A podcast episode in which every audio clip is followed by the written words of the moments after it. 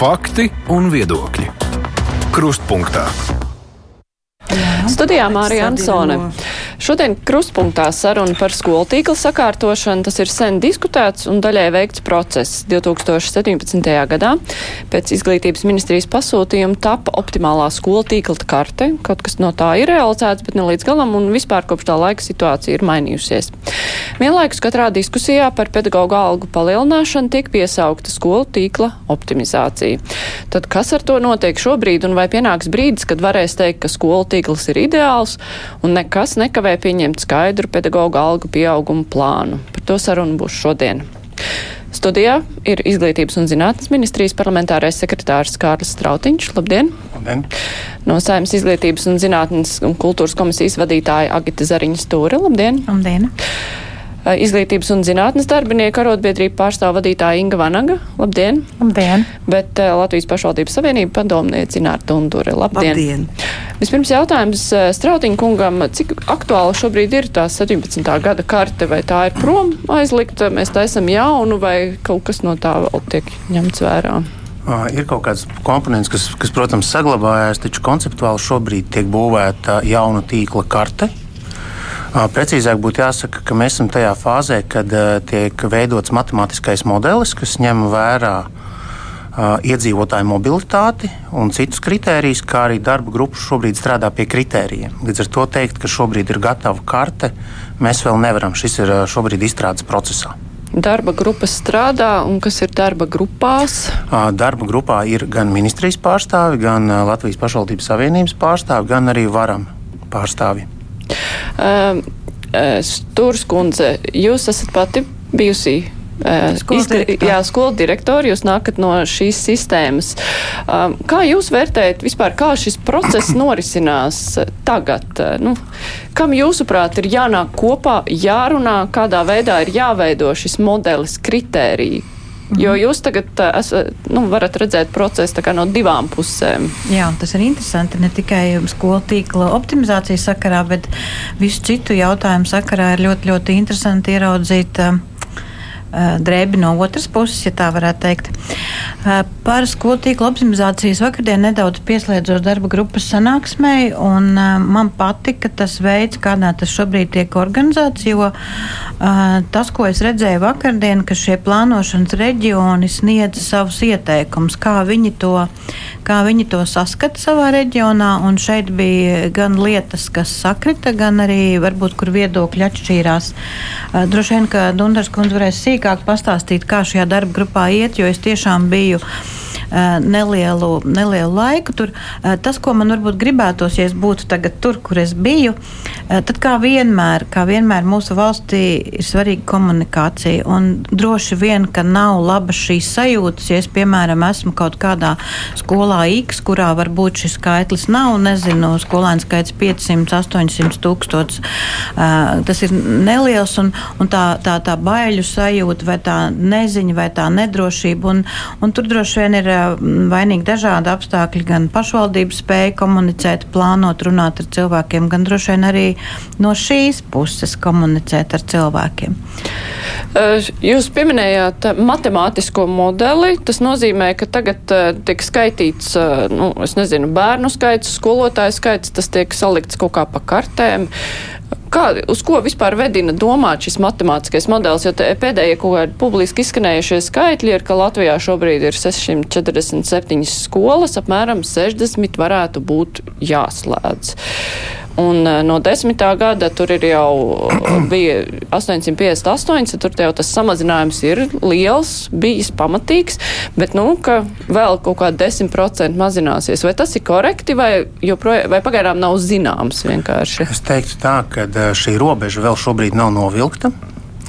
Eh, daži skaitļi ilustratīvi, lai jūs saprastu to, to tvērumu, tad, piemēram, Uz 1. septembri bija trīs posmā 1,9. Bija trīs izglītības iestādes, kurās skolēnu skaits bija līdz 20.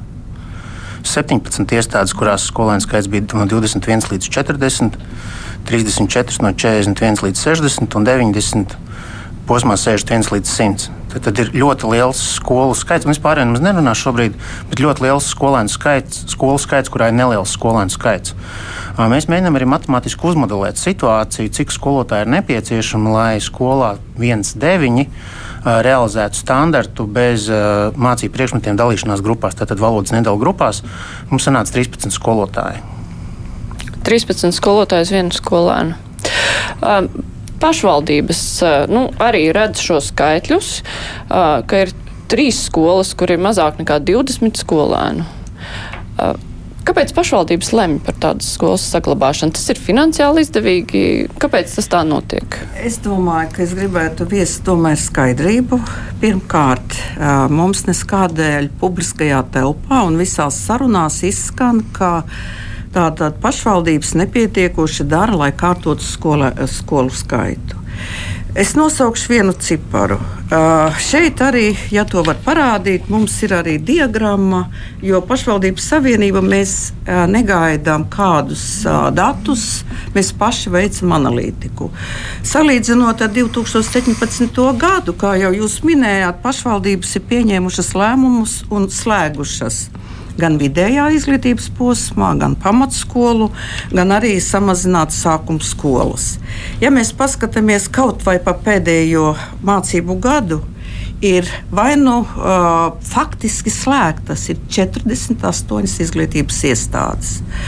Ja, uh, vienmēr ir jāskatās, kāpēc viens vai otrs lēmums un kāpēc ir kāda skola vēl saglabājusies. Jāņem vērā, ka 21. gadā notika arī administratīva teritoriālā reforma novadi, kuras neskāra, viņi jau faktiski bija sakārtojuši skolu tīklu. Novadi, kuriem nāca klāt mazie novadi, tātad viņi atkal uzsāka no jauna. Un te es varu nosaukt gan Valmieras novadu lielo, gan Cēsu novadu, gan uh, Dienvidu kurzemes novadu, kur viss novads ir no maziem. Bet līdz... te, jā, jūs varētu arī šo aspektu bišķiņ paprecizēt. Tad sanāk, ka tās mazās pašvaldības, kuras kādreiz bija katra pa sevi, nu, viņai vajadzēja skolu un tāpēc viņi bija saglabājuši skolu. Zināmā un, mērā jā, bet šobrīd jau tiek skatīts uz izglītības sistēmu kā uz novada ekosistēmu. Tas ir 43 novadi, proti, tā teritorija ir stipri lielāka, un katra pašvaldība, balstoties uz saviem plānošanas dokumentiem, pieņem lēmumu. Uh, valsts gimnāzija novada centrā un cik ir vidusskolas. Es nosaukšu jums ļoti labu piemēru Reizeknas novads. Reizeknas novadu neskāra administratīva teritoriāla reforma. Toties tur ir izveidots 15 gadu garumā tāda sistēma. Vidusskola, un tad skatās, kas ir apkārt aptveroši, mazās skolas, vai nu tās ir struktūra vienības, vai arī kā, pieņem lēmumu par pakāpes maiņu vai, vai, vai skolas slēgšanu, arī šogad to dara. Vēl vairāk. Ņemot vērā, ka šobrīd jau 2022. un 2023. mācību gads mēs paņēmām datus no vīzes sistēmas, valsts izglītības informācijas sistēma, uz marta mēnesi. Mēs šobrīd veicam detalizētu analīzi. Mēs skatāmies atbilstoši normatīvajam regulējumam, proti, vai valsts gimnāzija atbilst, neatbilst un parādām uz kartes. Mēs skatāmies vidusskolu Mums ir šobrīd spēkā 583, jeb mēs tā vienmēr savstarpēji runājot, lietojot, bet, bet skatītājiem un klausītājiem tas nozīmē skolēnu skaits, skaitliskais vidusskolas posmā un centralizēto eksāmenu rādītāji. Mēs skatāmies, cik atbilst un neatbilst. Mēs šobrīd redzam, ka ir vidusskolas, kuras neatbilst. Mums šī mācību gadā uh, desmit uh, vidusskolas pieņēma lēmumu par neatvēršanu desmitās klases jau 2022. un 2023. gadā, ka neatver. Proti, šīs vidusskolas jau beidz pastāvēt. Tāpat mēs kartē parādīsim kurām vēl ir jāpieņem lēmums. Tālāk iet pamatskolas posms. Arī darba grupā visi klātesošie reģiona pārstāvji pašvaldību pārstāvi bija reģionu deleģētie pārstāvi. Mums ir jāiet tālāk un jāskatās jau uz skolu tīklu reģiona ietvaros, nevis tikai šauri, un jau ņemot vērā arī profesionālo izglītību. Bet, bet tas, uz ko jūs vedināt, vai tas nozīmē, ka atbilstoši arī visiem spēkā esošiem regulējumiem pašvaldības vienkārši pēc reformas laika gaitā pašas visu izdarīs Tieši un tā. neko nevajag darīt uh, no ministrijas puses? Uh, pašvaldības visu dara, bet es gribētu vērst uzmanību, ka mēs ļoti. Uh, nu, uh, Zariņas kundze pieminēja komunikāciju, bet es gribētu teikt, ka uh, problēmas rodas tad, kad tiek izplatīts kāds uh, virziens, kā tad darīs izglītības zinātnes ministrija, kas rada šūmēšanos, neizpratni. Uh, un ieliekot, es jums nosaukšu vienu piemēru, ieliekot, kad eh, jābūt, eh, ka valsts gimnāzijas nevar pastāvēt novadu centros, tikai valsts pilsētās. Sakiet, kāpēc? Kāpēc mēs negribam visā valstī nodrošināt pieeju kvalitatīvai izglītībai? Jā, atbilst kritērijiem. Ja? Jā, tieši mhm. tāpēc kritērijiem arī regulējums ir valsts gimnāzijai. Nākošais, kad mēs ieraudzījām, ka mums jābūt divām paralēli klasēm, 7, 9 posmā. Es teicu, piedodiet, kāpēc jūs to darat? Kāpēc tagad radat šo situāciju? Jā, pēdējā saruna jau bija ar apusēju lielāku sapratni, un līdz ar to šo piekdienu mēs jau parādīsim, kas notiek.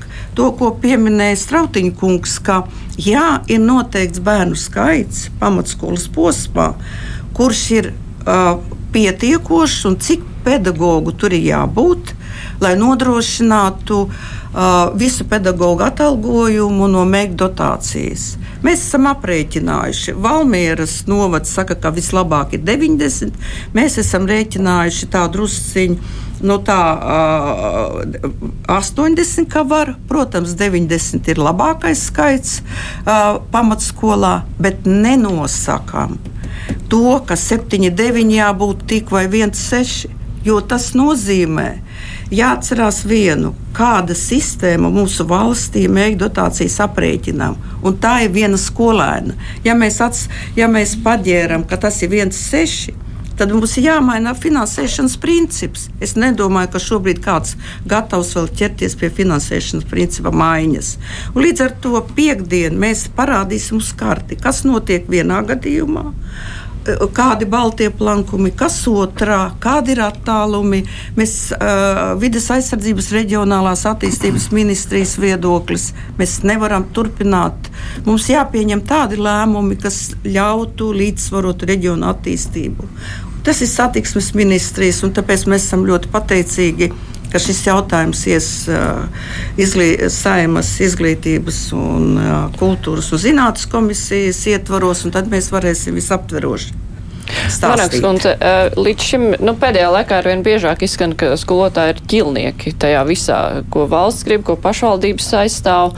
Uh, Kāda ir īsti eh, arotbiedrības pozīcija? Tad kuru skatījumu jūs vairāk aizstāvat uh, ministrijas vai pašvaldību par to, kā, kādam jāizskatās šim skolu tīklam, vai jūs vienkārši gaidat, lai tas tiktu beidzot izdarīts, un tad varēs droši teikt, nu tad runājam par tām algām. Redzat, sākšu ar to, ka ir izglītības pakāpes jomas, kurās nav ko optimizēt. Un tad sanāk tiešām šo attiecīgo jomu pedagogi nu, ir kā ķīlnieki pirmsskolas Mēs redzam, Rīgā mums nav kas nāk un strādā. Ja? Ko tur optimizēt? Mēs redzam, profesionālā izglītībā desmit gadu laikā no 80 skolām ir 55. Ko tur optimizēt? Ja? Interešu izglītība, profesionālā ievirze mūzikā, mākslā, dejā, sportā. Ko tur optimizēt? Speciālajā izglītībā ir plānots, ja, ka vēl samazinās par desmit skolām, bet vai tās citas skolas ir pietiekami gatavas gan ar personālu, gan ar infrastruktūru, gan ar mācību līdzekļiem? Ja? Un tāpēc sanāk tā, ka šobrīd šeit par skolu tīklu mēs runājam vispārējās izglītības eh, iestāžu noteikti atzarā. Ja? Un mēs redzam, arī mēs analizējam publiski pieejamos datus uh, par šo skolānu skaitu. Mēs tiešām respektējam to, ka ir ko optimizēt. Bet arotbiedrības uzstādījums ir tāds, ka uh, jā, ir atbildīgie, jā, ir politikas veidotāji nacionālā līmenī, kas ar no, normatīviem aktiem nosaka spēles noteikums, pašvaldības dibina pie, nu, lē, pieņem lēmumu vai atvērt skolu, vai reorganizēt, vai slēgt. Un, protams, viņām ir jāievēro nu, tie normatīvie akti. Bet tagad pateikt, pedagogi, tev nebūs zināms darba samaksas kāpums, kamēr tur tās puses nevienosies. Nu, atvienu, nu, katram ir jādara savs darbs, tāpēc mēs redzam, ka jā, ir iespējams. Tas, kas mums kā arotbiedrībai ir tiešām arī svarīgi, ja mums saka tā, nu, tā izglītības kvalitāte, ja, tad arī ir jābūt šeit, no šiem lēmumiem ir jābūt ļoti izsvērtiem. Ļoti izsvērtiem, un tos tiešām nedrīkst, kā mēs citreiz jau ironizējam, tā prasti caur Excel failu, skaitliski uzliksim, cik tur skolotājiem, kā tur jābūt, ja, jo ir jāņem vērā arī tā izglītības pieejamība, ja, arī tā kvalitāte, un jāņem vērā, vai tas ir, kura, vai tas ir toma, viena robeža vai otra robeža, ja, jo arī kurzemes pusē mēs redzam, nu, kur tu, tu tur vienā pusē jūra, ko tu, tu no vienas puses tev jau nav, kur, nu, nu kā saka, tu neesi tajā centrā, ja, lai varētu no tām visām pusēm tos bērnus savest. Kaut vai tāds faktors, ja Lietuvas pierobeža, kur nu vēl par Latgali runājot, tur jau vēl ir jāskatās caur citiem faktoriem, tāpēc mēs kā arotbiedrība arī nevaram tā ļoti vienkāršot uz to visu skatīties. Ja? Un skaidrs, ka Ir ko, būs ko slēgt, ja, bet arī pēdējo piecu gadu laikā mums ap 250 izglītības iestādes ir slēgtas vai reorganizētas. Vispārējais nu nav tā, ka nav darīts, un, protams, te mums arī jāpiekrīt, ka teritoriālā reforma dara savu, bet kas vēl, ko, nu, es ceru, ka darba grupā par to arī jātiek runāts, un es esmu pārliecināta, ka pašvaldības savienība to tam faktoram sekos līdz, bet par citiem partneriem, ja, nu, ir arī jāņem vērā iedzīvotāju blīvums uz kvadrātu kilometru Latvijā. Un, mums ir 3,9 reizes tas mazāks nekā Eiropas Savienības dalību valstīs vidēji. Nu, mums demografiskā situācija dara savu, nu, tas arī jāņem vērā, ka mums iedzīvotāji vairāk nebūs. Un, un kā lūk šo ņemt vērā, ja? nu, tad ko mēs mūžīgi mūžos samazināsim to darba samaksu. Un jau, nu, un tas tāpēc mums kā arotbiedrībai ir svarīgi, lai šie abi divi, ja kurā pusē mēs esam, tā kā mēs tajā darba grupā neesam, ja? tad mums ir svarīgi, lai šie abi divi partneri spēj vienoties gan par kvalitatīvu kvalitatīviem, kval, kvantitatīviem kritērijiem caurspīdīgā procesā, ja, un uh, lai nav tā ta, tas, ko jūs teicāt, ja, ka pedagogs ir tajā visā ķīlnieks, nezinot, vai tās abas puses vienosies un vai tas kāds pieņems to lēmumu, nepieņems. Ja. Nu, tas ir tas, kas par pedagogam viņam nebūtu galva par to jālauza. Viņam ir jākoncentrējās uz savu, savu darbu, uz saviem pienākumiem un nevis jāraizējās, kāda būs viņa nodarbinātības stabilitāte. Un tas skaits kvantitatīvais, nu, būsim atklāti 640, ap 650 skolām. Ja minimālais skolēnu skaits ir 100, tad jāslēdz, jāreorganizē aptuveni 200 skolas. Ja minimālais skolēnu skaits ir 180, tas skars 320, tas ir pusi no skolām. Nu, tad kāda ir tā arī pieejamība reģionos, arī šai izglītībai, arī kvalitatīvai? Jā, tas maksā. Pavisam īsi, ja varētu. Jā, pavisam īsi mm -hmm. es gribu papildināt. Tad, kad gatavo ministru kabineta noteikumus, skatīt ministru kabinetā, bija aprēķins par Rīgu. Rīga arī ir veikusi lielu darbu sakārtošanas, un bija aprēķināts, ka it kā iegūst 445 tūkstošus. Pirmkārt, princips nauda seko skolēnam. Skolēns paņem naudu līdzi. Otrkārt, šī uh, slēdzot, parasti tiek slēgts uh, vai nu vidusskolas posms vai maza skola, skolēnu nedaudz, skolēnu izkliede liela un nedaudz pedagoģu. Iegūms ir tikai tas, ja pedagogs tiek atbrīvots no darba, bet, kā zinām, pedagoģu trūkst, un ja pārējiem 60, 40 vēl trūks, bet te ir ļoti labā, es domāju, ka pieredze. Uh, uh, Agitas kundze pēkšņi garo uzvārdu. Un, un e, kā, tad ir, kā tad ir no mazām skolām, kad aiziet pedagogs, vai viņš tur var strādāt, vai spēj un parasti izvēlas aiziet prom. Jūs gribējāt papildināt? Jā, es gribēju papildināt, ka ļoti svarīgi ir saprast, ka uh, pašmērķis nav skolas slēgt. Mērķis ir kvalitatīva izglītība ikvienam bērnam. Un, ja mēs redzam situāciju, ka 55 Latvijas skolās ir apvienotās klases, kur viens, viena stunda notiek paralēli pirmās, otrās, trešās klases līmenī. Mēs angļu valodu vienlaicīgi mācām pirmā, otrā, trešā klasē, klasē ir pieci bērni. Tad, kvalitīvas mācību process tur nevar notikt. Vēl viens riska faktors, ko mēs redzam, ir pēc uh, speciālās izglītības reformas uh, liela daļa reģionālo lauku skoliņu ar mazu nelielu bērnu skaitu ir kļuvuši ļoti iekļaujoši. Tas nozīmē, ka, lai nodrošinātu bērnu skaitu, tiek uzņemti bērni ar ar 5, 6, 5, 7 un, un citiem kodiem, tad speciālās izglītības programmās. Rezultātā radās situācija, kur klasē ir 5 skolēni un 3 skolēni ir ar speciālās izglītības programmām, kas pēc būtības vairs nav iekļaujoša izglītība. Vēl jau vairāk šajā mazajā lauka skolā nav iespēja nodrošināt pilnvērtīgu psihologu, logopēdu un citu atbalstu personālu. Rezultātā mēs esam radījuši nekvalitatīvāku izglītības vidi, un piedāvājumu, nekā tas būtu iekļaujot lielā skolā, kur patiešām šī vide būtu iekļaujoša, kur būtu pienācīgs atbalsta personāls. Tāpēc vēlreiz uzsveru, ka mērķis nav slēgt skolas.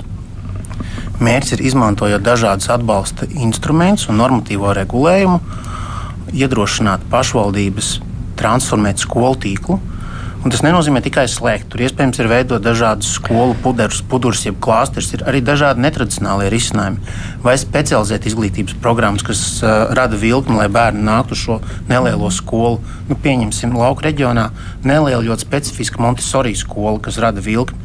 Palīdzēt pašvaldībām atrast spēku, paskatīties strateģiski un meklēt jaunus risinājumus, lai sakārtotu skolu tīklu, lai būtu kvalitīvs izglītības piedāvājums. Es pieļauju, ka nu, teiksim, tās problemātiskās ir nevis skolas, kuras atrodas pilsētās lielākās, jo tur, nu, vienkārši, tur ir vienkāršāk uh, rīkot šīs paralēlā klases un visu. Uh, runa ir vairāk par tālākiem novadiem. Uh, tas piemērs, ko jūs minējāt, ka vairums bērnu ir ar kodiem varbūt un ka tā vairs nav iekļaujošā izglītība, tas droši vien ir kāds galējs piemērs, ka tas nav vispārēji izplatīts. Nu, es tā pieņemu. Uh, Saimnes komisijā spriežot par šiem jautājumiem, nu, kā jums šķiet, vai uh, primāri ir jāliek uh, šie kritēriji, jo, ja mērķis ir kvalitatīva izglītība, tas nozīmē, ka ir vajadzīgi pedagogi, ir nu, vajadzīgs normāls mācību process, tajā pašā laikā ir jābūt arī šai izglītībai pieejamai, respektīvi fiziski sasniedzamai, kas ir novados tā lielākā problēma. Tad, uh, nu, tiksim, balansējot šo te visu, kam ir jābūt priekšplānā. Jo, par, par ja, būs mēs... laba, ja būs laba skola, bet ļoti tālu. Nu... Jā, jā, par to mēs spriedīsim, bet es mazliet pakāpšos apakaļ. Man liekas, ka visi, kas mēs šeit sēžam, mums nav pretrunas par kvalitatīvu izglītību. Un mēs saprotam, ka kvalitatīva izglītība maksā, un tad ir visi nākamie argumenti, par ko mēs tagad sākam diskutēt, kur jāatrodas skolai, cik lielai jāatrodas, cik tur ir pedagogi un, un arī pieejamība, kā šo skolu sasniegt. Vēl mazliet pakāpjoties atpakaļ, es arī uzskatu, ka pašvaldības šobrīd jau dara gana daudz, vismaz tiekoties ar pašvaldībām, īpaši šajos energokrīzes apstākļos, tiešām pašvaldības gudro, kā varbūt kaut kādas bērndārs grupas kaut kur pār pārcelt. Un, un, un, un, un, un arī runājot ar pašvaldību vadītājiem, es neesmu nevienu tādu satikusi, kurš negribētu labu skolu vai labu pirmskolas izglītības iestādi savā, savā pāraudzībā. Un, eh, kāpēc es šo visu saku? Tāpēc, ka arī šīs dienas diskusija ir tikai viens etaps no tā visa, kas ir sācies. Mēs esam procesa sākumā, tāpēc es pateicīga gan par darba grupu, gan par pašvaldību savienības un reģionu iesaisti darba grupā kritēriju izveidē. Rīt mēs mēs saimnes komisijā pārņemam, pārņemam šo te uz mūsu komisiju, un tad turpināsies jau atkal vēl viens puzles gabaliņš par šo spriest un diskutēt to, ko es negribētu, ka mēs tā spriežam nezinu cik ilgi. Nu, kaut kādā brīdī mums ir jāsaprot, kad ir jārīkojas, bet es gribētu, un daļēji to šobrīd jau arī dara ministrija, gribētu sniegt atbalstu pašvaldībām. Un ministrija ir tā, kas ar, saviem, ar savu redzējumu dodas šobrīd pie katras pašvaldības un palīdz viņiem ieraudzīt to savu vainu. Tā var sakrist un tā var nesakrist. Piemēram, kādos gadījumos viņi var nesakrist, ka ministrija domā, ka varbūt šeit ir trīs skolas tādā smukā aplītī un ka būtu labi e, tās malējās, skola, malējās skolas, runa ir pa 7-9 posmu, ne pa 1-6, doties uz to vidējo skolu. Nu, tas kā, kā varbūt liktos loģiski, bet e, reģiona īpatnība ir varbūt tāda, ka labākie ceļi vai darba vietas ir, ir uz kādu citu pusi. Un līdz ar to nu, mēs nekad neizstrādāsim tādu vienādu modeli, kā tad darīt visām pašvaldībām. Tās situācijas ir runājums uz vietas, un es teiktu arī plānojot vairākus gadus gadus uz priekšu, jo tieši pašvaldība vislabāk zina, kur viņi varbūt būvēs nezinu, kādu infrastruktūru attīstīs un kur potenciāli varētu nezinu, daudz dzīvokļu namus būvēt, kur var veidoties kaut kādas vajadzības atkal. Tas nav jautājums tikai šodienai, tas ir jautājums uz priekšu, bet tas ir diskutējums, runājums tagad. Jo viens no klātesošiem teica, ka šim ir jābūt ļoti uh, izsvērtam un pamatīgam lēmumam, jo tas skar daudz cilvēkus.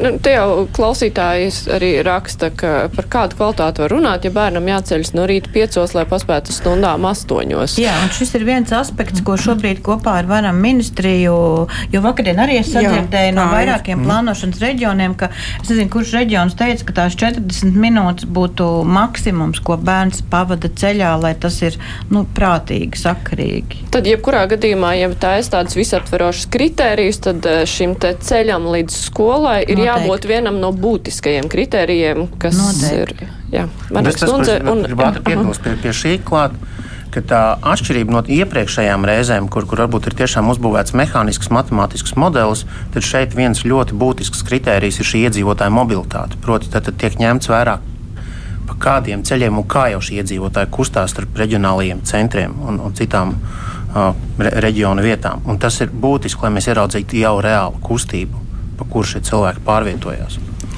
Jā, es gribēju arī bilst, ka skaidri saprotot, ka tie lēmumi tiks pieņemti. Jā, kaut kur ātrāk, kaut kur varbūt mazliet vairāk tas laiku prasīs, bet te ir būtiski arī neaiziet otrā galējībā, jā, ka tā, tagad tās klases būs jau nesamērīgi liels, jo tomēr jaunais kompetencēs balstītais saturs nu, paģēra to, ka ir šī individualizētā pieeja tam katram bērnam, un mēs zinām, ka bērni ir ar dažādām zināšanām, prasmēm. Ja? Un tad, ja tās klases mēs jau šobrīd redzam, ja ir 28, kaut arī 26 skolēni, un ir arī, kur ir 32 pilsētas Rīgas centra skolās, ja? nu, kāda individualizētā pieeja, ja tur nav pedagoga palīgi, ja nav atbalsta personāla, un tāpēc šeit, tāpēc es sakam, nevar tik vienkāršot uz to skatīties, ja? pat ja kvadrātmetri atļauj viņus tur tajā klasē ievietot, ja? tad šī izglītības kvalitāte par ko mēs runājam, un pieejamība arī šeit, ja nevaram mēs to pazaudēt, un tad ir jāsaprot, ja tā klase ir tik liela, tad ir jāatrod iespēja tiešām vai nu dalīt uz pusēm, īpaši tagad tie STEM jautājumi, īpaši, ja tagad aktualizējās.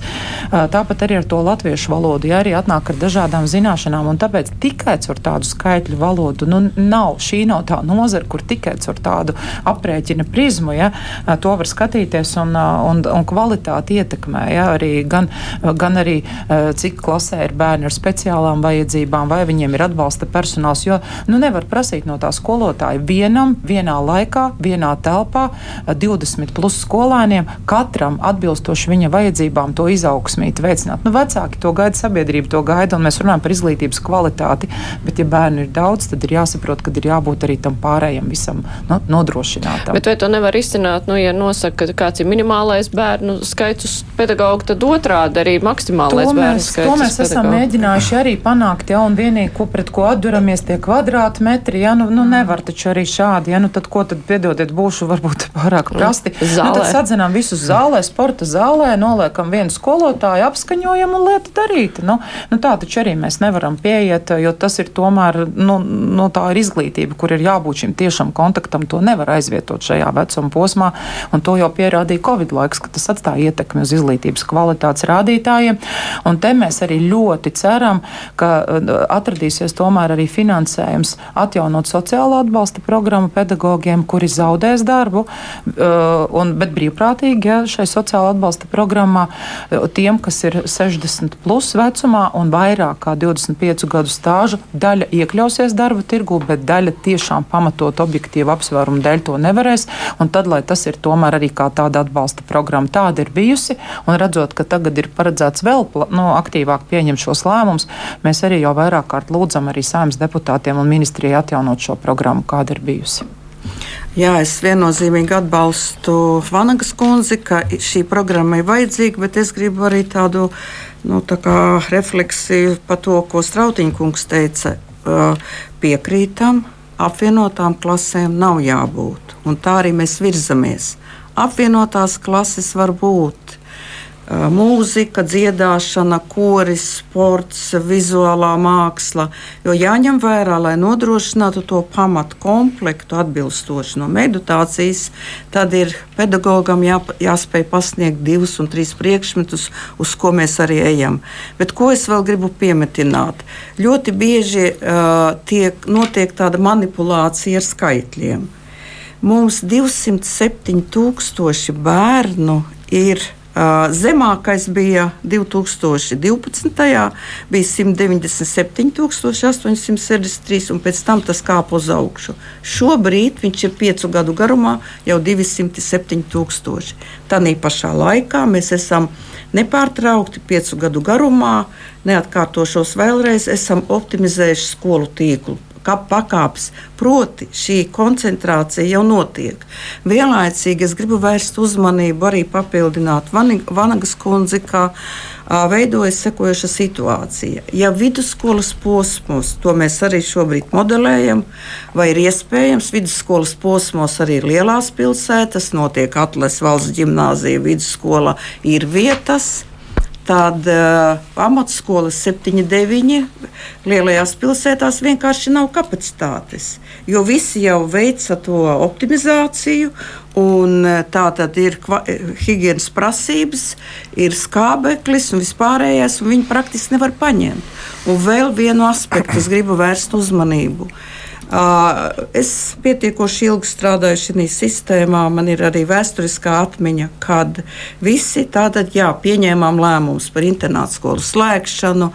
Izglītības zinātnes ministrija virza procentuālo attiecību, cik tad jābūt iekļaujošiem bērniem, nenodrošinot vienlaicīgi atbalsta personālu, logopēdus 150. Tā es varētu turpināt. Mums nenotiek līdz ar lēmumu pieņemšana otrā pusē neveidojas vai atbalsta sistēma. Mēs tā kā izliekamies, ka tas notiks pats no sevis, bet nenotiek. Un kas notiek? Lielās pilsētas bērns, vecāks redz, ka bērns lielajā klasē viņš pazūd. Viņi meklē kādu iespēju, meklē kādu mazāku skolu, un tad ir dilemma, vai to bērnu ņemt vai neņemt. Neņems, tas nozīmē, ka tāda nav iekļaujuša izglītība. Kāpēc jūs neņemat manu bērnu? Un reizēm tiešām veidojas tāda situācija, ka, un te, uh, un te ir stāsts par to, ja mēs ejam virzienu, ka mēs runājam par kvalitatīvu izglītību, viņa ir iespējama tad, ja pedagoga nodrošinājums un bērniem atbalsta sistēma. Nevis vienkārši tikai pasakot, liela maza skola. Es varu pierādīt pretējo, kā izcilas nelielas vidusskolas. 90% iestājas augstskolās un pabeidz augstskolu. Kā, protams, cits jautājums, cik tas izmaksā. Bet tāpēc tas vidusceļš vienmēr būs vienā pusē, otrā pusē riskus apzinoties un kas mums jāizdara. Un tas ir kopā ejams ceļš. To nevar tā kā jūs kaut ko pareizi vai jūs kaut ko nepareizi, bet kopā ejams ceļš.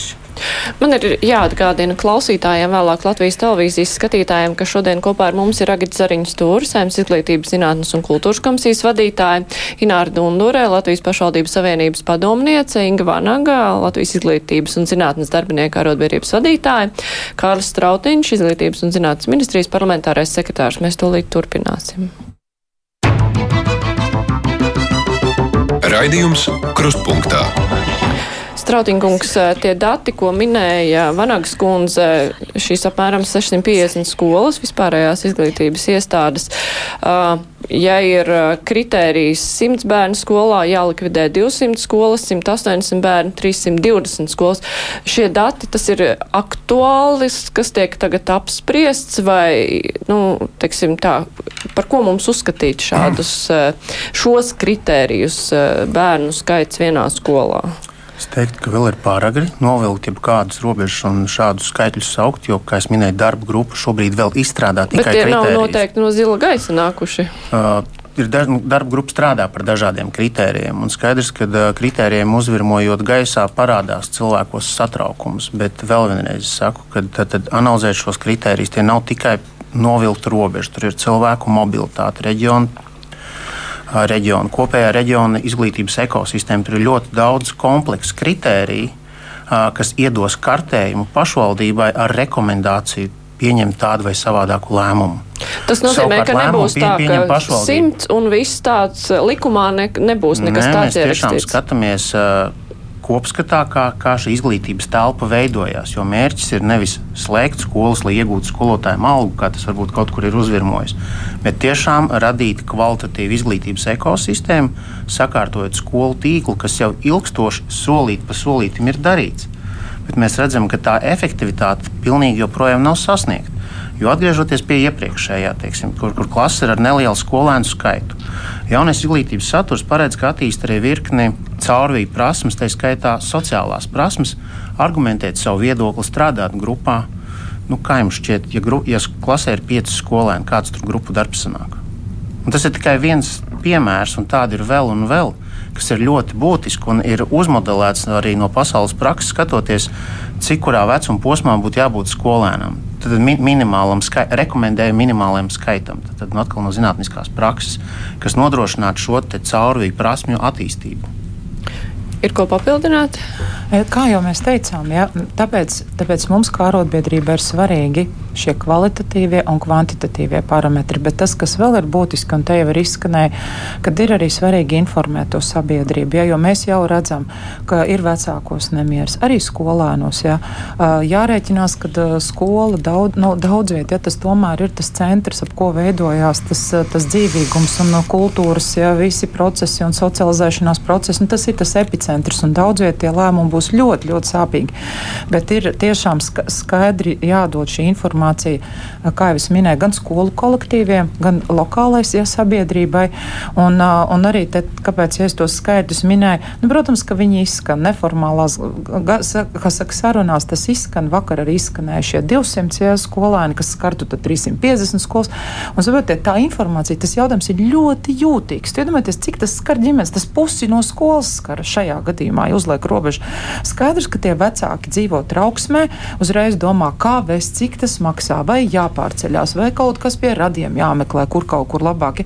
Un tā tālāk, un tā joprojām. Tāpēc jā, es piekrītu, ka tam ir jābūt līdz tam 1. jūnijam, es saprotu, ja darba grupa mhm. strādās mm. un komunicēt, skaidrot, informēt, ja, lai nav tā, ka aizmuguriski atvainojiet, ja iesniedz pēkšņi kaut kādus grozījumus. Protams, arī sociālajie partneri uzreiz izdara savu darbu, un tas ir mūsu pienākums skatīties, lai likuma likumdošanas process ir caurspīdīgs. Ja? Un, ja būs šāds epizods, atvainojiet, būs vēl grūtāk vien, nu, šo uzticības latiņu noturēt, kas sociālajā dialogā, sadarbībā ir ļoti, ļoti svarīga. Mums kā arotbiedrībai arī skaidrs, ka šie lēmumi ir būtiski zināt laicīgi, ja, jo tam cilvēkam jau arī jāsaprot, kad tas būs, vai skars manu skolu, vai man cits darbs jāmeklē, ja, vai kā, nu, kā saka, tā sadzīve jāpakārto, un, un, un šis ir jāiedod skaidri, precīzi, caurskatāmi un ātri, ja šī informācija visām iesaistītajām pusēm.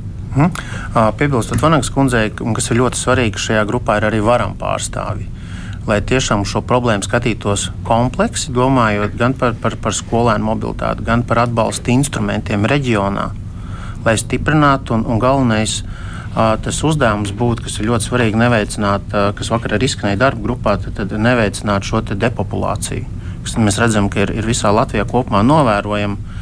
Līdz ar to atrast instrumentus un, un skolu tīklu tādu, lai Latvija tiešām plauktu lai, lai mums būtu arī reģionos iedzīvotāji, lai arī reģionos būtu pieejama kvalitatīva izglītība, ne tikai ap lielajām pilsētām. Un tas ir tas pamat uzdevums.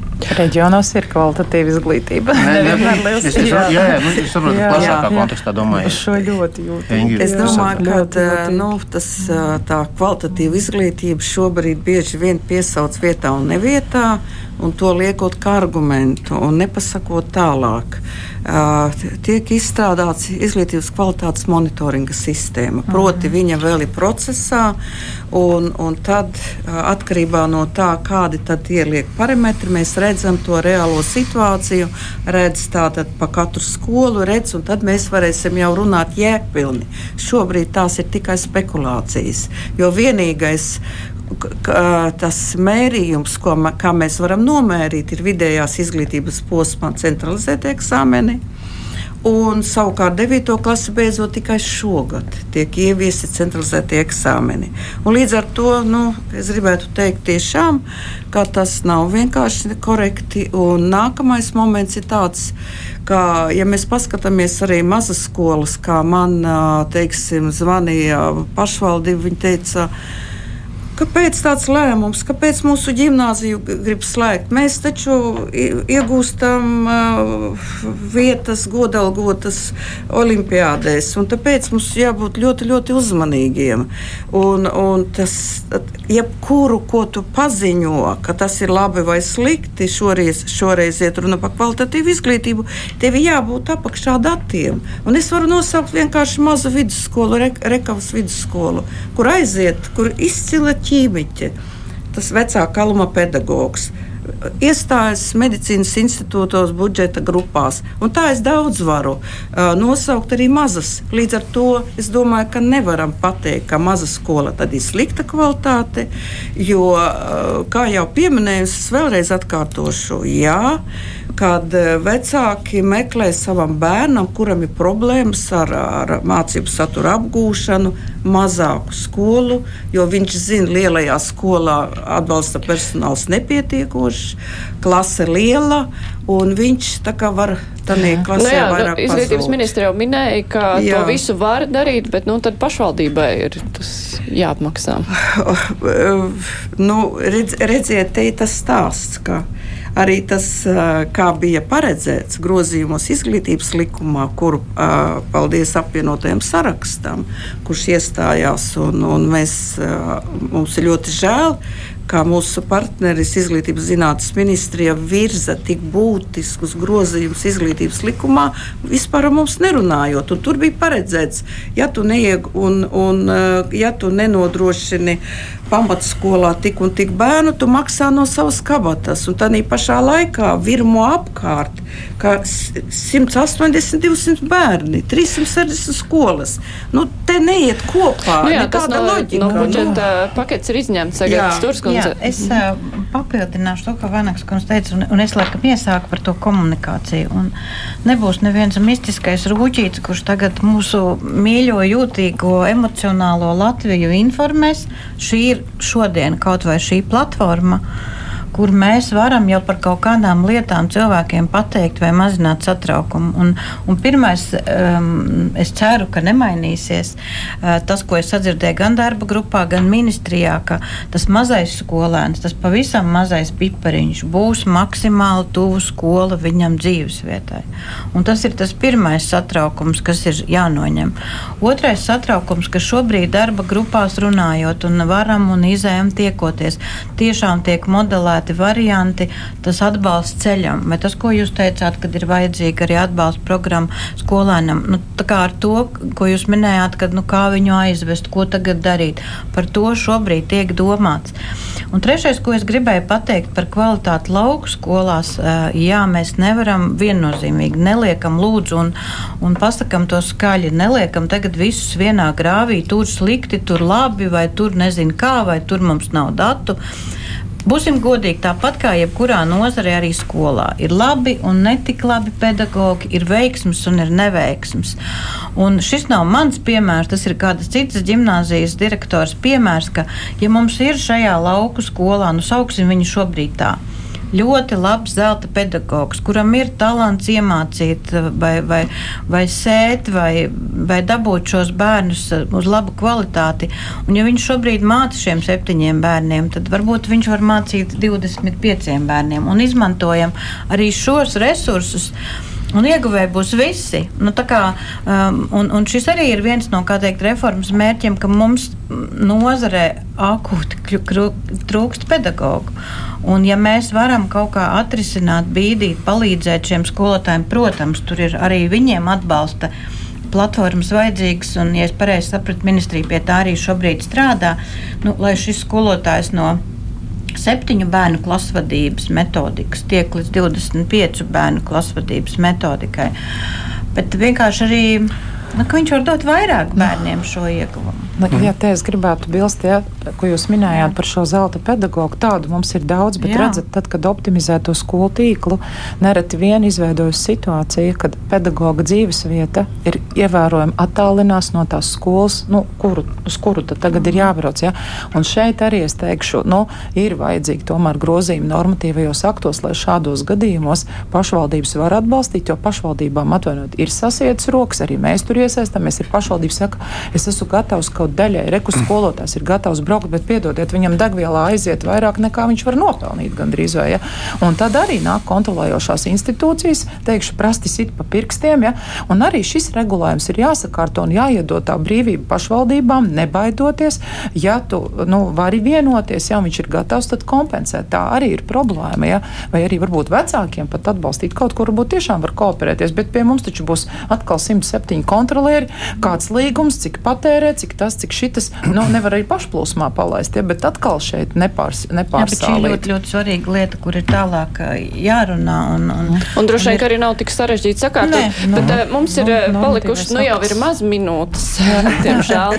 es uh, tomēr gribēju pievērsties pedagoģa algu uh, palielināšanas grafikam. Uh, tas, cik es saprotu, tagad neies komplektā ar eh, budžeta jautājumiem, bet uh, nākamnedēļ tiek solīts, ka valdībā būs, eh, cik daudz jūs par to zinat, arotbiedrība, vai tur būs viss, ko jūs gribējāt, vai jūs to nezināt? Šodien mūsu rīcībā nav neviena dokumenta projekta, ir atlikusi nedēļa. Tā tad noteikti nevarēsim ievērot vispār pieņemto saskaņošanas procedūru.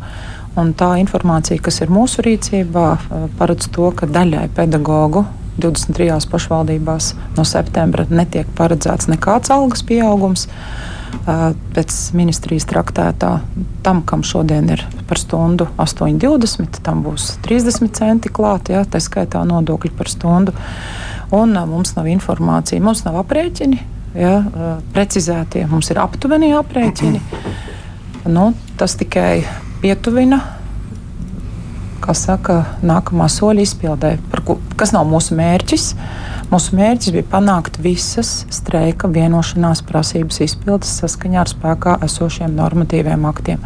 Un, kā jau teicu, Bija prasības, bija vienošanās, paspiedām roku, fiksējām normatīvos aktos, Līsda pienākums, un ne tikai Līsda, visas pedagoģu saimnes pienākums ir panākt pilnīgi visu streika vienošanās prasību izpildi, respektējot, ka daļa finansējuma droši vien var atrast skolu tīkla optimizācijā, daļa finansējuma nozaru ministrija resorā, un nav izslēgts, ka daļa papildus no valsts budžeta.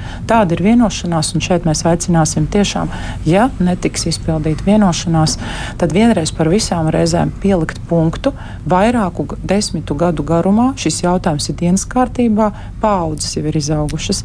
Un, uh, vairs, un tad mūsu rīcība būs tiešām tāda, lai tā droši vien būtu pēdējā reize, kad mēs nacionālā līmenī ar politiķiem strīdamies vai kaujamies kā boksa ringā, lai pildītu spēkā esošus normatīvos aktus. Tam ir jāpieliek punkts. Visi no tā jau ir noguruši, un tas jau ir vairāk kā 20 gadu dienas kārtībā. Tas ir jāpārtrauc. Strautiņkungs, tas, eh, tā informācija, kas nonākusi arotbiedrības rīcībā, tas atbilst realitātei un eh, nekas tur netiks mainīts? Ir tā, ka mūsu apņemšanās ir tiešām nodrošināt skolotājiem labu atalgojumu, un mūsu plāns ar 1. septembri nodrošināt 8,50 par stundu ir spēkā, un mēs arī uz to ejam. Bet daļai nebūs palielināts algas. Uh, tas, kas ir atšķirīgs, ir uh, drusciņa redzējumā. Proti, tas, kā ministrija šobrīd saredz, kad vienošanās bija par minimālās likmes celšanu. Un minimālā likme tātad tiek celta uz 8,50. Līdzīgi, lai klausītāji saprastu, tas ir līdzīgi kā Minimālā, minimālā alga. Kas ir svarīgi saprast, tad, kad ceļ minimālo algu, nenozīmē, ka uzņēmumā visiem strādājošiem automātiski arī paceļās alga. Un šeit mēs nonākam tajā līdzīgajā situācijā, ka jā, minimālā alga ceļ tie skolotāji, kuriem atalgojums bija nepietiekams un zems, tiem sasniegs šo 8,50. Bet visiem varētu būt arī, ka nepaceļās šis atalgojums. Tāda situācija var izveidoties. Tad Tāda kuriem vienošanās nepacel? nebija? Tāda vienošanās nebija, ka netiks paskatīt. Klausītājiem droši vien tas būs sarežģīti, ja skolēna vidējās izmaksas, kas ietekmē, ja tāda vienošanās nebija, ja, un vienmēr ir bijis princips, ka paaugstina zemāko darba algas likmi un tālāk ir diezgan sarežģīts formulas, kā tur, ko tur tālāk rēķina. Man ir jāatgādina, ka pagājušajā gadā bija ļoti būtiska reforma, kas tieši uzlika teikšu, tādus griestus ierobežojumus, lai tiešām nebūtu daļai pedagoga liels atrāviens algas paaugstinājumā. Un tas pagājušajā gadā par to jau mēs pat vienojāmies, un tas ir viss spēkā.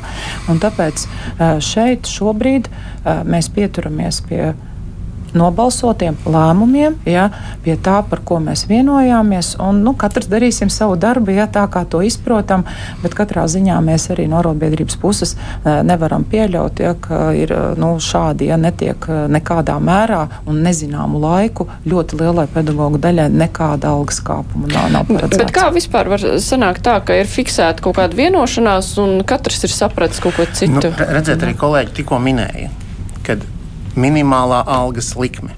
Un ministrija šobrīd saprot burtiski minimālā algas likme. Minimālā algas likme tātad no 1. septembra ir 8,50 par stundu. Bet tas eh, netika pirms tam izrunāts, eh, vai arī tagadējā vadība nezina, kas tika sarunāts. Es atvainojos, nu, klausītājiem tas ir tiešām pārāk sarežģīti. Vienmēr ir bijis princips līdz šim, kad ir paaugstina zemāko, kad nedrīkst maksāt mazākā, un tad ņem Jā. vērā skolēnu skaitu, programmu, koeficients, vai tur ir speciāla izglītība vai nav speciālā teritoriālie koeficienti, ja, mm. kas ir pašvaldībām jau kaut kā tālāk, ja kur ir. Ja, un tādas, nu, tāpēc es saku, nu, un te ir eh, šāds, ja šī pieeja, eh, š, tas, par ko ja tagad runā, nu, šāda tāda vienošanās, pats sarunas arī mūsu valdes pārstāvi bija, teikšu, ļoti nepatīkami pārsteigti, kad ieraudzīja dokumenta projektā, kad nav paredzēts vispār pārskatīt e, šīs skolēna izmaksas. Turklāt, ja šī ir reforma, par kuru nobalsoja tie politiķi, kuri bija iepriekšējā valdībā un ir arī tā pašreizējā valdībā. Un no, nolēma paši pagājuši gadu, ka mēs pārējām uz apakaļu sistēmu, nauda seko skolēnam līdz pašvaldībai, kur ņem vērā aprēķinos uzņēmumos šo zemāko darba algas likmi. Nu, tad, tagad, tad mums jau ir, tur jau ir, kā es saku, sa, savienoto trauku princips. Ja? Un šeit nevar viņu nepārskatīt. Viņi būs spiesti pārskatīt veselai daļai pedagogu. Nu, tur ir juristiem jāpēta un finansistiem. Ja? Un tas viss nav tik vienkārši, kā eh, varbūt jaunpienācēji birojā sākotnēji to saprata. Nu, ir jāanalizē, ir jālasa normatīvi akti. Es pievienojos ja, partneriem, kas saka, lasiet normatīvos aktus, jo līdzi prasa viņus ievērot. Un tagad veikt kaut kādas atkāpes no spēkā esošiem normatīviem aktiem, atvainojiet, nemainīsim spēles noteikumus spēles gaitā. Ja? jālasa. Un tas, ko mēs prasām, normatīvi akti, izlasiet un ievērojiet viņus. Un viss, vairāk neko. Un, ja to nespēj izdarīt, tad mūsu pienākums ir vispirms komunicēt miermīlīgi. Un, ja to nedzird, pusgads jau ir pagājis kopš streika vienošanās. Un visas prasības nav izpildītas. Un mēs darīsim visu, lai šīs visas streika prasības un vienošanās būtu izpildītas, kas ir juridiski fiksētas. Jā, nu, tas, tas, ko es varu pateikt, kad, kad no ministrijas mēs te, kop, mums ir kopīgs mērķis, un tas ir uh, pedagoģa algu paaugstināšana. Un tas un, ir tāds stiepjams jēdziens. Tas, tas, tas nav stiepjams mhm. jēdziens, ir konkrēts grafiks. Ir konkrēts grafiks, kas runā par 8,50 ar 1. septembrī jau šajā gadā, 9,54 nākamajā gadā un 10,35 aiznākamajā gadā. Tad ir, ir konkrēts grafiks, ir konkrēts termiņš, uz ko mēs ejam, un tas arī tiks darīts. Un tā ir tā kopīgā lieta. Nu, labi, likumdevējs, jūs varat vienā minūtē pateikt savus uh, secinājumus, kā jūs minūtē, redzat ja šo divi, te konfliktu. Ja divi cilvēki noslēdz vienošanos un vienošanās netiek pildīta, tad kas notiek? Viņiem ir jātiekas vēlreiz, lai saprastu, kas nenotiek. Un tas ir viss mans komentārs, ko es šobrīd varu pateikt. Nu, tas taču pilnīgi loģiski, vai ne? Ja mēs kaut ko neesam sapratuši, tad mēs tiekamies vēlreiz, lai Laika ietvars ir ierobežots, atvainojiet šādos lēmumos. Nu jā, tur ir tiešām tikai nedēļa palikusi, bet nu labi, mēs savukārt kā mediji uzmanīgi sekosim, kas notiks tālāk. Es pateikšu paldies eh, visiem diskusijas dalībniekiem Inga Vananga, Latvijas izglītības darbinieku arotbiedrības vadītāja Ināra Tundura, Latvijas pašvaldības savienības padomniece, Agita Zariņas Tūra, Saimas izglītības zinātnes un kultūras komisijas vadītāja un Kārlis Strautiņš, parlamentārais sekretārs izglītības ministrijā. Raidījums kruspunktā izskan, producente ir Evija Junām un studijā Mārija Ansona. Visu labu!